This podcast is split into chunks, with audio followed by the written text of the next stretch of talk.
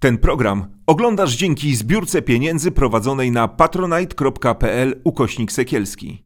Zostań naszym patronem. Dzień dobry, witajcie wszyscy. To jest wysłuchanie. Ja się nazywam e, Artur Nowak, a moim i waszym gościem jest profesor Stanisław e, Obirek, e, teolog, filozof, teatrolog, polonista.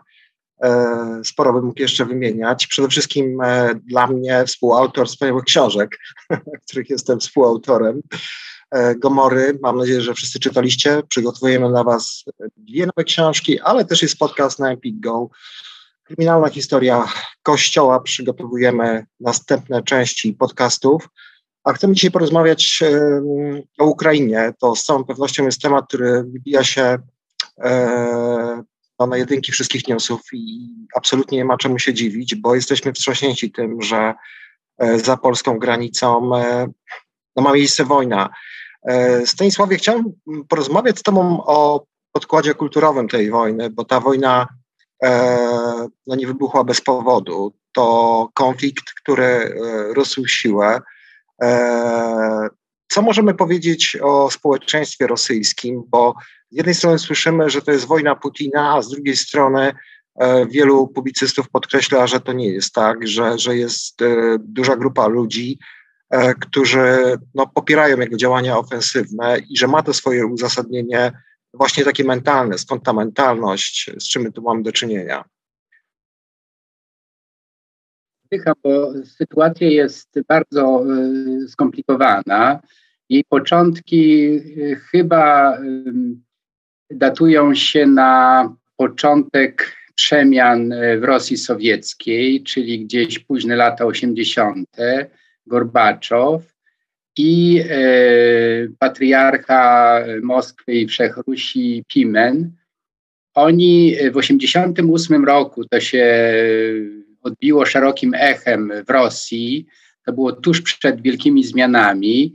E, Gorbaczow e, do swojego dyskursu o pierestrojce i przemianach włączył cerkiew rosyjską, prawosławie rosyjskie jako niezbywalną część tożsamości rosyjskiej i mówił o tysiącleciu, bo przypomnijmy, to jest 988 rok, kiedy właśnie e, Włodzimierz Mądry przyjmuje chrzest z, e, Konstantynopola i e, zarówno przywódca polityczny, jak i przywódca religijny nie zająknęli się, że e, przyjęcie chrztu przez Ruś to jest przyjęcie chrztu przez e, dzisiejszą Ukrainę, a nie przez Rosję. I ten e, taki skrót myślowy właściwie pokutuje w myśleniu wielu Rosjan. To, co pytasz, jak Rosjanie na to patrzą, e, właściwie jest, jest częścią ich myślenia o ich tożsamości. To, że Putin nie tak dawno powiedział, że nie ma właściwie narodu ukraińskiego, że jest tylko jeden e, rosyjski naród, to ma korzenie właśnie już w tej narracji, która się pojawiła 30 lat temu, e, właśnie jeszcze w, w rozpadającym się Związku Sowieckim. Później w Ukrainie, e, po powstaniu państwa niezależnej Ukrainy e, na początku lat 90., mamy do czynienia z, z, ogromnym skomplikowaniem tego dyskursu, bo właśnie z jednej strony roz, wpływy cerkwi sowieckiej na Ukrainie były bardzo mocne. To jest to dziedzictwo sowieckie, stalinowskie, które właśnie zniszczyło właściwie inne kościoły, łącznie z niezależnioną cerkwią prawosławną kijowską. Mówię o kościołach katolickich, rzymskokatolickim, grekokatolickim. To wszystko było pod wielkim butem sowieckim. E, gułagi, morderstwa, to było na porządku dziennym.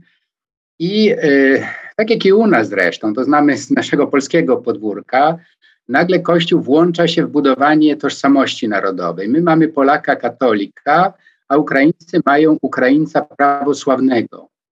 Ale właśnie mówiąc w wielkim skrócie, te, ten Ukrainiec prawosławny ma do wyboru trzy cerkwie, trzy kościoły. Jeden właśnie tam na wschodzie dominujący i najsilniejszy do niedawna, y, kościół prawosławny któremu dzisiaj przewodzi y, patriarcha Cyryl Moskiewski, który właśnie odwołuje się do tej narracji, którą wspomniałem. Jest też cerkiew kijowska, która od trzech lat jest autokefaliczną, uznaną przez Konstantynopol niezależną cerkwią czy kościołem, patriarchatem właśnie ukraińskim. No i wreszcie są kościoły katolickie, o których e, też e, trzeba pamiętać. Więc to wszystko sprawia, że rzeczywiście zależy od tego, gdzie się czyta, co się czyta, kogo się słucha, e, za, tą, za taką narracją się idzie. Mamy w wielkim skrócie mówiąc do czynienia z upolitycznieniem chrześcijaństwa, tego prawosławnego zwłaszcza, który w dyskursie obecnego patriarchy Cyryla wpisał się właśnie jako to świeckie, e, jakby kościelne ramię wspomagające e, dyktatora w tej chwili. Tak to znaczy, wygląda. No, to jest ciekawa postać w ogóle ten Cyryl, bo y, ja przypomnę, to jest osoba, która według wielu źródeł jest uwikłana we współpracę z, y, z sowieckim KGB.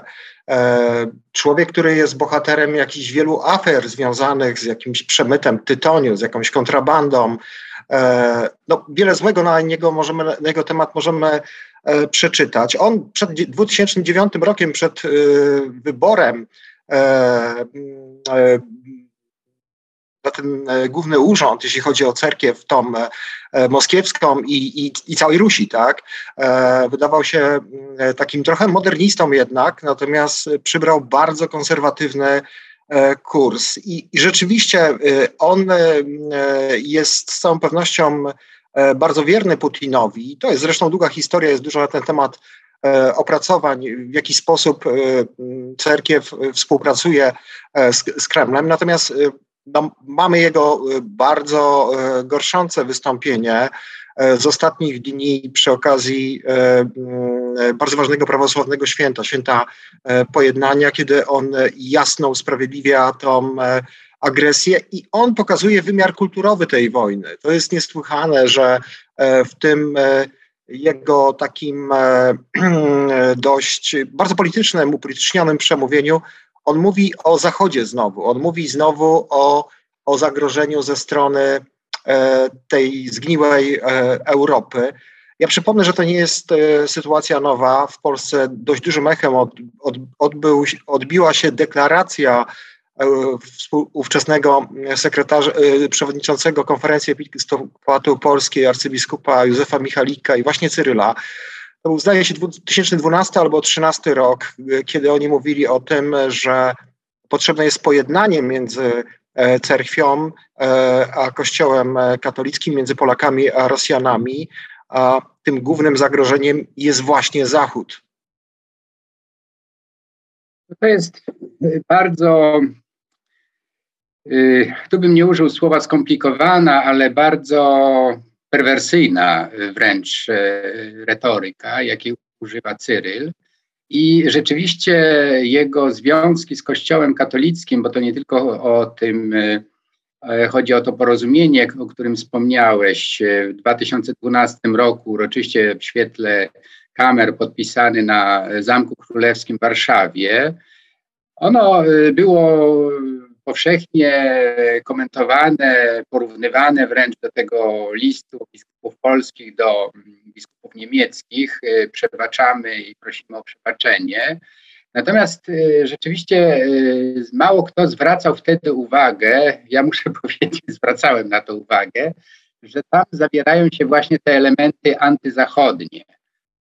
Ostrzeganie przed, i to jakby na jednym oddechu, przed zgnilizną zachodnią, oczywiście eutanazja, aborcja, ten cały repertuar, który znamy z retoryki y, Jana Pawła II, który już w, y, w latach 90. przecież rozpoczął tę nagonkę, która. Cywilizacji śmierci, tak.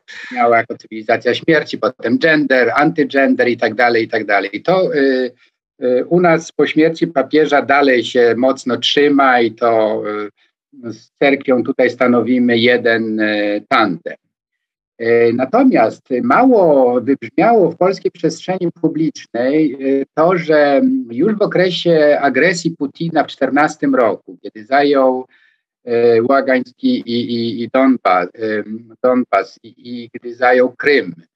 Wtedy to się działo z błogosławieństwem właśnie cerkwi moskiewskiej i w tym przemówieniu czy kazaniu, o którym wspomniałeś z niedzieli, tego niedzieli otwierającej właśnie pojednanie, post, pokutę, tam wybrzmiało to nie aż tak wyraźnie, ale jednak wybrzmiało to, że od ośmiu lat toczy się krwawa e, wojna i że tam pojawia się właśnie ten kontekst e, parad gejowskich, tego, że jest dyktat Zachodu, który e, narzuca pewne rzeczy i tutaj Putin e, proponuje, wprowadza porządek, wartości moralne, którymi właśnie Zachód i zwiedziona przez Zachód, zwłaszcza e, Wolodymyr Żeliński i ta faszystowska jego klika, jak to Putin określa, oni się temu sprzeciwiają. Więc tutaj dlatego mówię o perwersji, że tutaj dla kogoś, kto jest nie, nieoswojony z pluralizmem poglądów, i kto tylko słucha jednej narracji, no to to brzmi wiarygodnie, tak jak dla wielu polskich katolików, fundamentalistyczny dyskurs polskiego episkopatu, Ordo Juris, mm, o tym, że oni bronią rodziny, że oni bronią e, dzieci, że oni nie dopuszczą do seksualizacji, dominacji tych okropnych gejów i LGBT i tak dalej, no to jest y, rzecz, która y, w cerkwi prawosławnej y, wybrzmiewa na co dzień, a Putin jest jednym z głównych realizatorów tych wytycznych religijnych. Stąd właśnie ta, e, to współbrzmienie i to wzajemne popieranie się. To, to trzeba powiedzieć, że Cyryl jest po prostu patriarchą Putina, a Putin jest dyktatorem Cyryla. Tak to wygląda. Tutaj jest sporo analogii, jeśli chodzi o to nasze podwórko. Oczywiście nie w takim wymiarze. E, inną sprawą jest zaangażowanie polskiego kościoła w, w, no, no w pomoc e, ofiarom tego konfliktu. E, mówiłeś o tym przy okazji rozmowy w Resecie Obywatelskim. Odsyłam wszystkich do, do, do też tego podcastu. Natomiast czy nie masz takiego wrażenia, że właśnie wojna, która jest oczywiście wielkim nieszczęściem, e, pozwala nam zweryfikować, jak mało pragmatyczne e, ja już abstrahuję od kwestii idei, wartości i tak dalej, bo wiadomo, że to jest pewna fasada związana z lękiem tych przywódców religijnych przed tym, że organizacje religijne będą się pluralizować, że one będą bardziej przejrzyste, że będą podlegały kontroli, bo o to tak naprawdę rzecz się rozgrywa. Oni tutaj się nie boją Zachodu, tylko boją się po prostu o, o swoje interesy. Na ile to może zmienić e, rozmowę w Polsce na temat Unii Europejskiej? No bo okazuje się, że e, to, co było pożywką wielu partii, mam tutaj na myśli e, te partie e, no, narodowe, e, przede wszystkim konfederacje, e, to one szły z takim szyldem, że zostaniemy ograbieni z naszej wolności, niezależności, e, że my sobie doskonale dajemy radę. Frakcja ziobrystów przecież bardzo mocna e, w, Prawie i Sprawiedliwości też do tego resentymentu, że ktoś nam chce nam zabrać niepodległość się odwoływała. Okazuje się, że E, bez bycia w dużym e, bloku militarnym, gospodarczym, e, jesteśmy bardzo słabi, bo myślę, że gdybyśmy byli w strefie euro, o wiele łagodniej byśmy przeszli te konsekwencje związane z kryzysem gospodarczym. Dzisiaj widziałem, benzyna kosztuje już ponad 8 zł. Oczywiście nie, nieprzypadkowo mówi się o narracji Putina. E, Wspomnijmy, że większość tych e, zatroskanych o moralność e, polskich organizacji typu Ordo Juris jest finansowana. To już dzisiaj nie jest pomówienie, tylko to są twarde fakty, o których Klementyna Suchanow, a zwłaszcza Tomek Piątek od dawna piszą, od lat. To są powiązania wręcz osobowe między różnymi ideologami putinowskimi, kremlowskimi. Za tym stoją olbrzymie pieniądze, bardzo sprawne e, platformy internetowe, które właśnie e, kreują, kreowały Putina na tego jedynego twardego obrońcę wartości tradycyjnie chrześcijańskich.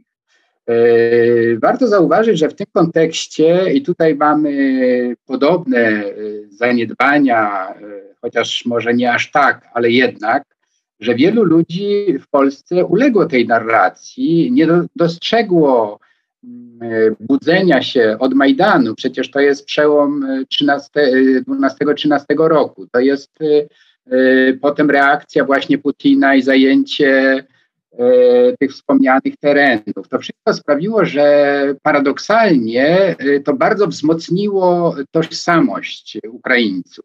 I to właśnie są zresztą badania bardzo precyzyjnie prowadzone od kilkudziesięciu lat, które wskazują, jak bardzo e, te próby kulturowej, religijnej, no i politycznej teraz aneksji e, na powrót Ukrainy do e, sfery wpływów rosyjskich, jak bardzo one kreują właśnie reakcję, co znamy zresztą z Polski, tak? że, że im gorzej, to tym bardziej ta polskość jest podkreślana od romantyzmu i tak dalej. Więc o tym wspominam, bo to jest bardzo istotne. No teraz druga sprawa, o którą pytasz, czyli jak to wpłynie na pewien e, z, zmianę pejzażu politycznego. Ja myślę, że już wpłynęło, to znaczy wyraźnie w PiSie e, antyunijny e, dyskurs został wyciszony. To wcale nie przeszkadza zresztą temu samemu PiSowi próbować przemycać autorytarne wrzutki premierowi Morawieckiemu, żeby uniknąć odpowiedzialności za nadużycia, których się dopuścił on i jego rząd, zwłaszcza w okresie pandemii. E, więc to, to jest jedna sprawa. Tutaj ta demolka sądownictwa, która jest przedstawiana przez Ziobro, e, generalnego prokuratora i ministra sprawiedliwości jako porządkowanie, to jest tak naprawdę putynizacja Polski od siedmiu lat. I chodzi o to, że mam nadzieję, że właśnie taka rozmowa jak nasza i wiele innych, które się dzisiaj toczą w polskich mediach i w mediach światowych, właśnie one dekonstruują ten dyskurs antyeuropejski jako dyskurs prokremlowski. To, to, to nie jest tak, że nagle Ziobro, Kowalski i paru innych e, politycznie zupełnie bez znaczenia ludzi, którzy się przyczepili jak rzep psiego ogona PiSu i i demolują nam e, Polskę, że oni nagle proponują swój własny, autonomiczny, niezależny dyskurs niepodległościowy. To jest tak naprawdę realizacja programu pisanego cyrylicą. To dzisiaj już nie ulega żadnej kwestii. To, że to zostało wyciszone, to trzeba na, na stronę plusów tej tragicznej wojny, która się toczy y, za naszą wschodnią granicą. To, że Konfederacja się podzieliła, że się zdystansowała część posłów od y, no, zupełnie już e, odlotowego dyskursu Korwina-Mikke, więc to jest, to jest bardzo dobre. Więc ja mam nadzieję, że ta, to uczytelnianie dyskursów, to unikanie niedomówień, bo to jest to najgorsze, że to jest to, co zresztą teoretycy nowomowy, już od Orwella poczynając Klemperera i u nas Michała Głowińskiego dawno powiedzieli, że dyskurs właśnie totalitarny y, charakteryzuje się takim niedopowiedzeniem, sugerowaniem. Tutaj mistrzem jest właśnie Kaczyński. Jarosław Kaczyński, który właśnie jest tym mistrzem manipulacji mentalnością, który pierwsze co zrobił, to absolutnie podporządkował sobie media publiczne. Są to media, jest to tuba pisowa, pisowska i właśnie z tego względu mamy do czynienia tutaj z bardzo głęboką operacją na umysłach Polaków i Mam taką nadzieję, tocząca się od 24 mm, e, lutego wojna za naszą wschodnią granicą, która podsłoniła te, te e, bandyckie oblicze Putina, że ona wreszcie przebudzi Polaków, którzy odrzucą ten dyskurs właśnie taki krypto-demagogiczno-autorytarny. E, bardziej, że się hasła, za którymi nic nie idzie, no bo okazuje się, że Europa ojczyzn to jest jakaś mrzonka po prostu. Żadne chyba państwo europejskie, no ta wojna to pokazuje, nie może sobie na to pozwolić. Względy pragmatyczne, czysto pragmatyczne przemawiają za tym, żebyśmy byli w dużym sojuszu obronnym, w, dużym, e, w dużej kooperacji y, gospodarczej. E, to jest kwestia bardzo czytelnych, no jednak analogii to, o czym mówiłeś, zamach na media w Polsce, zamach na e, niezależne sądownictwo, przyjęcie mm, prokurator, e, układy w spółkach państwa, tworzenie nowej oligarchii, wideobajtek, tak, na przykład, ale tych ludzi jest wielu, którzy się podorabiali nie tylko na pandemii, ale już wcześniej na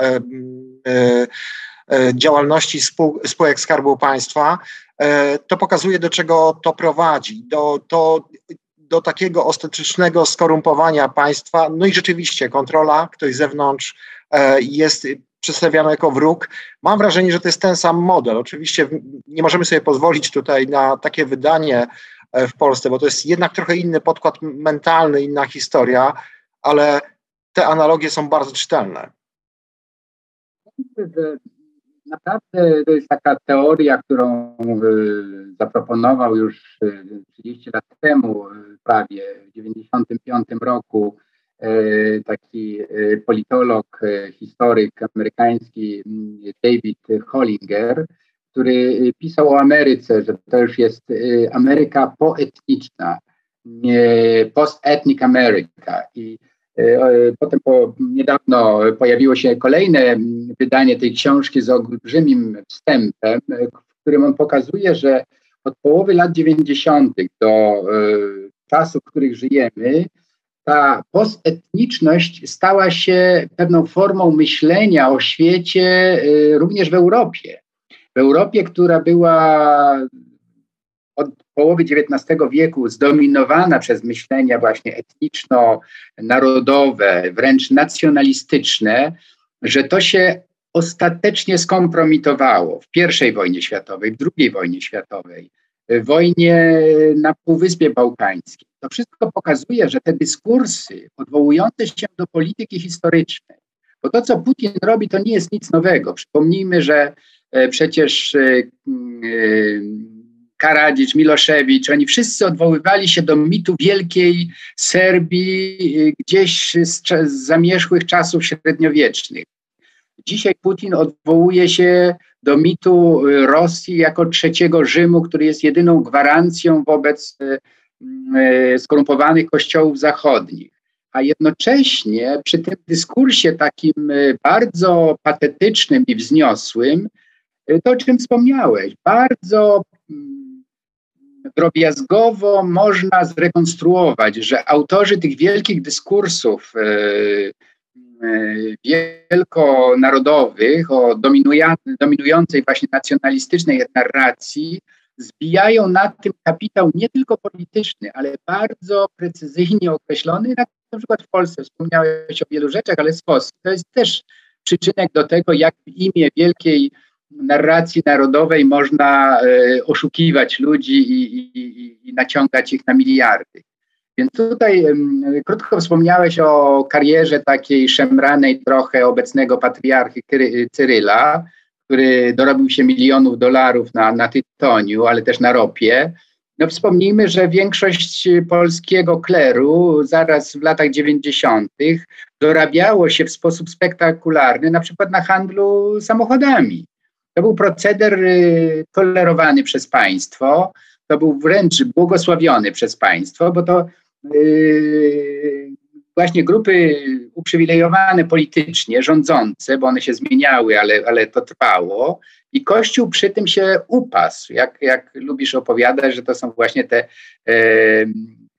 upasione koty, no to to się przez 30 lat działo. Czyli tutaj znowu mamy tą analogię. Wielki dyskurs patriotyczno-narodowy, jednocześnie bardzo troskliwe zabieganie o własną kieszeń. Tak? Więc to jest coś, co wielu ludzi nie chce dostrzegać. Mówi, no tak, kradną, ale się przecież dzielą. I to niby takie jest y, y, spryciarskie, trochę takie usprawiedliwiające, ale tak naprawdę mamy do czynienia naprawdę z mentalnością, e, nie chcę powielać pewnych stereotypów, ale, ale jest coś takiego, że jest mentalność europejska oparta na prawie, na, na, na tradycji prawa rzymskiego. Jest mentalność, w której e, reguły określa ten, kto jest przy władzy. Więc tutaj Polska niebezpiecznie przez e, po 1989 roku y, właściwie nie odżegnała się od tych praktyk właśnie, które produkują oligarchów.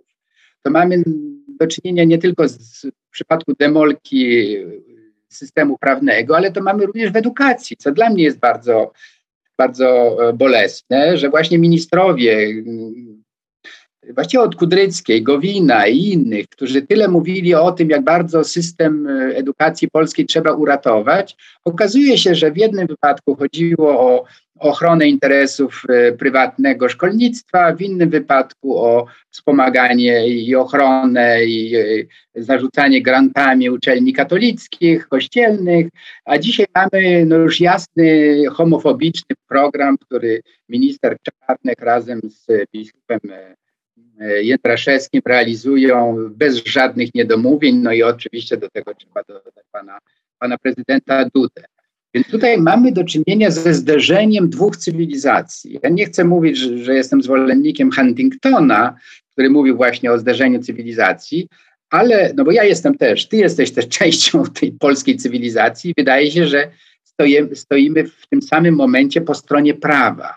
Yy, próbujemy demaskować te praktyki właśnie e, putinizacji naszego, naszego e, kraju.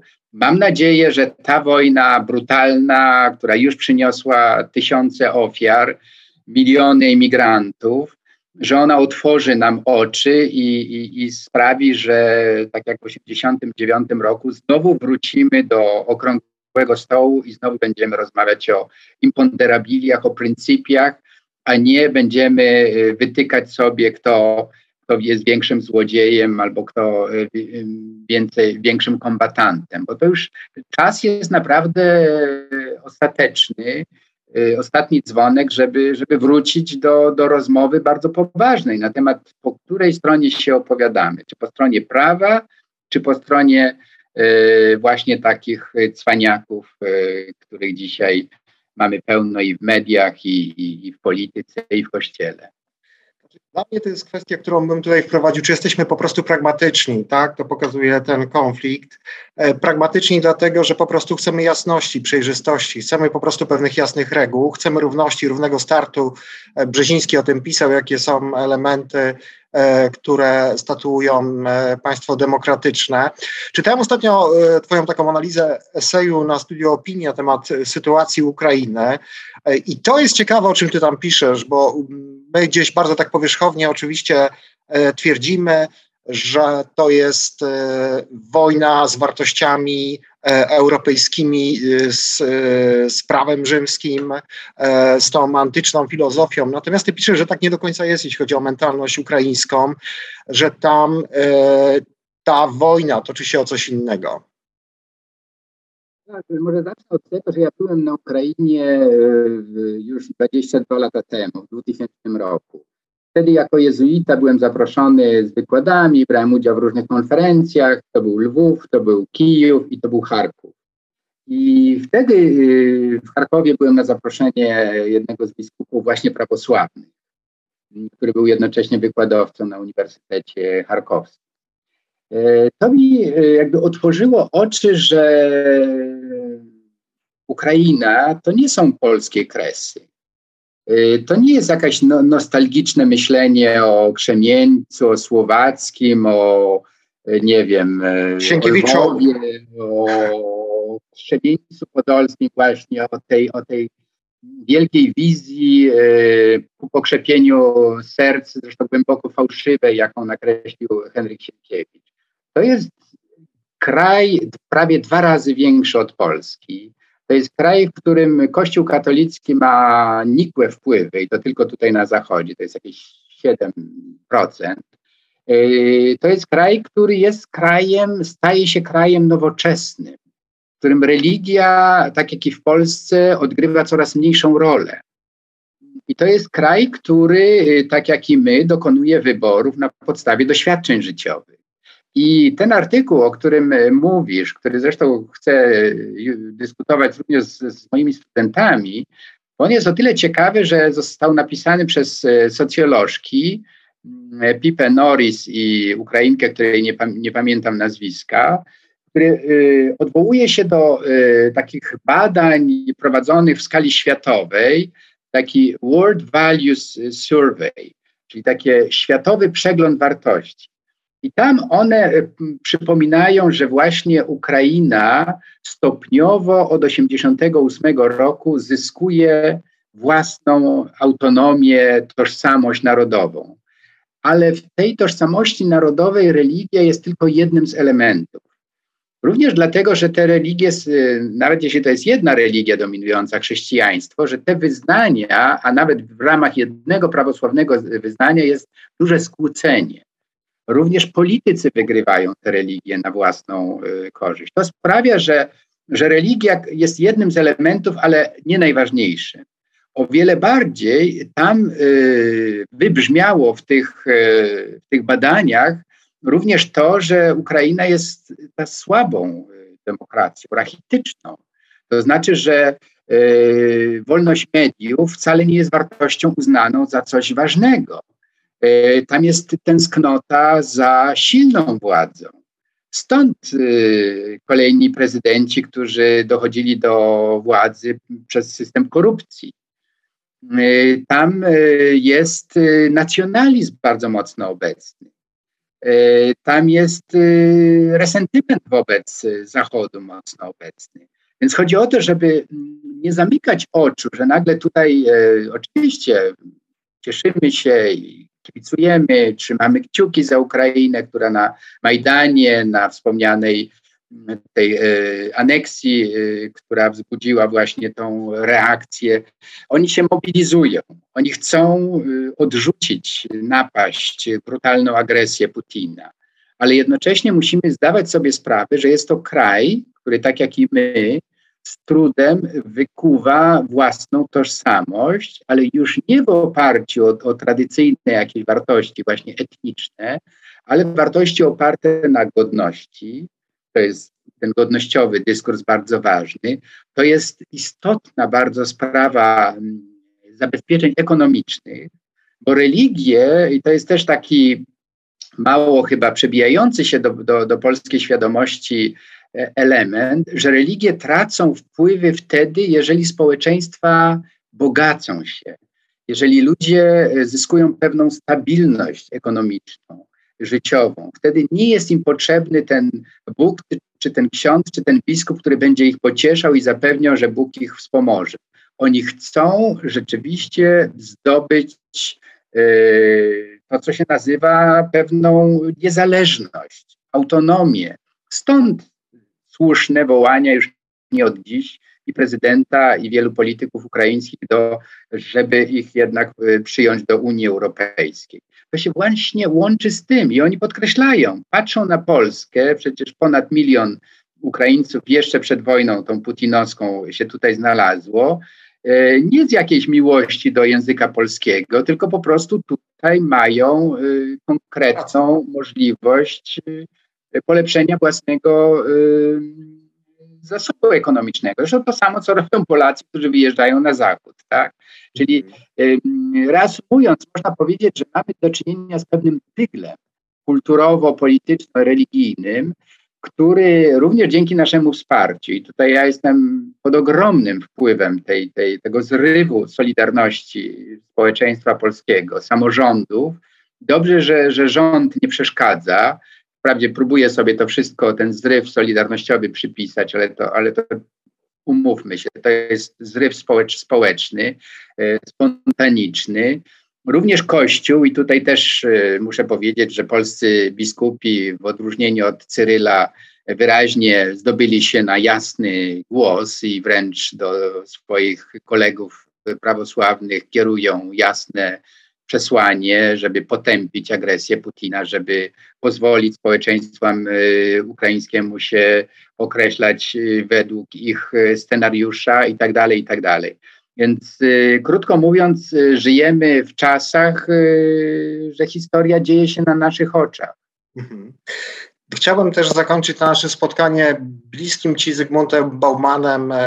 On wiele, wiele lat temu już się zastanawiał, na ile nie są anachronizmem granice. E, to jest też ta wielka tradycja Wojciecha Jastrzębowskiego. Mówił o tym nasz e, poprzedni gość, Olgierd Łukaszewicz, który mówił o, o pewnym delegowaniu kompetencji państwowych no, organizacjom międzynarodowym. On mówił wręcz o jakiejś armii europejskiej. Chciałem Cię spytać też trochę jako filozofa, czy Ty myślisz, że takie myślenie, że te granice są nam niepotrzebne, e, że ta nasza tożsamość jest jednak e, coraz bardziej uniwersalna, a nie mm, e, nasza w takim sensie po prostu, że, że oparty na, na takim lęku, że ktoś nam ją zabierze, czy to będzie obumiera, czy to będzie jakiś nowy wymiar, nowa jakość, bo rzeczywiście z punktu widzenia no, tych wojen nowoczesnych, tak, e, no, skupienie się na swojej armii e, no, nie ma mniejszego sensu. Bardzo dziękuję, że wspominasz Zygmunta Baumana, bo on e, rzeczywiście dzisiaj kolejna rocznica jego śmierci i odczuwamy bardzo jego brak, właśnie dlatego, że on umiał w sposób taki syntetyczny nazwać te procesy, które obserwował. Dotyczyło to nie tylko właśnie granic, o które pytasz, ale i mediów społecznościowych, jak one zmieniają e, nasze postrzeganie siebie, relacji międzyludzkich i tak. E, ja kiedyś zapytałem Baumana, kto jest dla niego największym e, mistrzem filozoficznym, i on ku mojemu zaskoczeniu wskazał na mało znanego socjologa norweskiego Frederika Barta ja od tamtego czasu zgłębiam tego Barta i rzeczywiście e, to, co Bart zaobserwował, on pisał głównie o mm, Turcji, o Kurdystanie, o tamtych regionach, i które obserwował e, przed powstaniem granic i po powstaniu granic. I on zauważył coś, co mm, umyka nam, ale ja jak go przeczytałem i potem myślałem też o swoim krótszym doświadczeniu życiowym i nie takim bardzo świadomym e, socjologicznie, ale na przykład e, ja się urodziłem w Tomaszowie Lubelskim, koło granicy ukraińskiej i dla mnie jako dziecka ta świadomość tej granicy była bardzo oczywista, że tu jest Polska, tam jest Ukraina, czy przed 89 rokiem to była praktycznie Rosja. E, tak myśleliśmy o tym. A przecież e, przed 39 rokiem tam nie było granicy.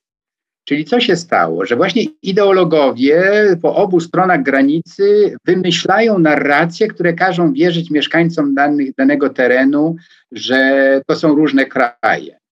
I uogólniając to wszystko, ja myślę, że Europa jest rzeczywiście w takim momencie, że powinna przypomnieć sobie, że granice państwowe to jest bardzo nowoczesny koncept, że przez tysiąclecia ludzkość żyła bez granic. Byliśmy po prostu wspólnotą ludzi. I globalizacja, w której żyjemy, jest dokładnie tym momentem, który pozwala nam czuć się mieszkańcami całego globu, a nie nawet Europy. Y, I Zygmunt Bauman w wielu swoich książkach podkreślał w takiej najbardziej może głośnej globalizacja, że tak naprawdę y, państwa, rządy, to o czym ty mówisz, one mają władzę iluzoryczną. Przecież taki Microsoft czy Apple on ma budżet o wiele większy niż takie państwa jak Polska czy, czy, czy mniejsze państwa europejskie. I oni właściwie robią, co chcą. Tak samo, y, y, nie wiem, Hyundai, y, General Motors, Toyota, czyli właściwie wielkie koncerny już meblują świat tak, jak chcą. I to widać nawet po takim wielkim państwie jak Rosja, że system bankowy może ją rzucić na kolana z dnia na dzień, blokując mu SWIFT. E, więc chodzi o to, żebyśmy nie tyle e, opowiadali się po jednej czy po drugiej stronie, jak właśnie Olgierd Łukaszewicz, który tak z, pasją i wspaniale popularyzuje tę wizję Jastrzębowskiego Europy jako wspólnego naszego domu, że to jest właściwie już się dzieje na naszych oczach. Tylko chodzi o to, żebyśmy to ucieszyli się tym i uznali, że to, że dzisiaj pomagamy Ukrainie, to jest wspaniale, ale może się okazać, to już się ukazało, na przykład w 1981 roku, że Europa otwierała drzwi przed nami masowo migrującymi z Polski stanu wojennego jaruzelskiego. Więc chodzi o to, żebyśmy jakby zdali sobie sprawę, że pomysł na państwo etniczne, państwo zamknięte w granicach jest pomysłem anarchi- anachronicznym. E, tutaj no, dyktują dzisiaj no, wielkie korporacje. Ameryka decyduje, czy te migi Ukraina dostanie, czy nie.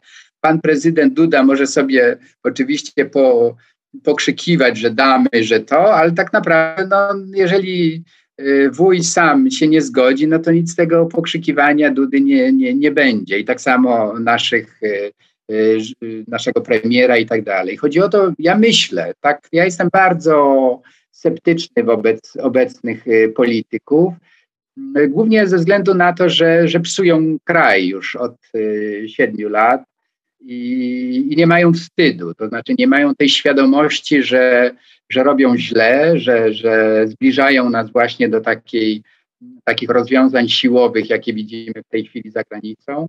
I gdyby politycy słuchali Baumana, to myślę po pierwsze zareagowali w sposób, zareagowaliby w sposób o wiele bardziej jednoznaczny już w 2014 roku i by nie doprowadzili do tego rozuchwalenia się dyktatora, z jakim mamy dzisiaj do czynienia.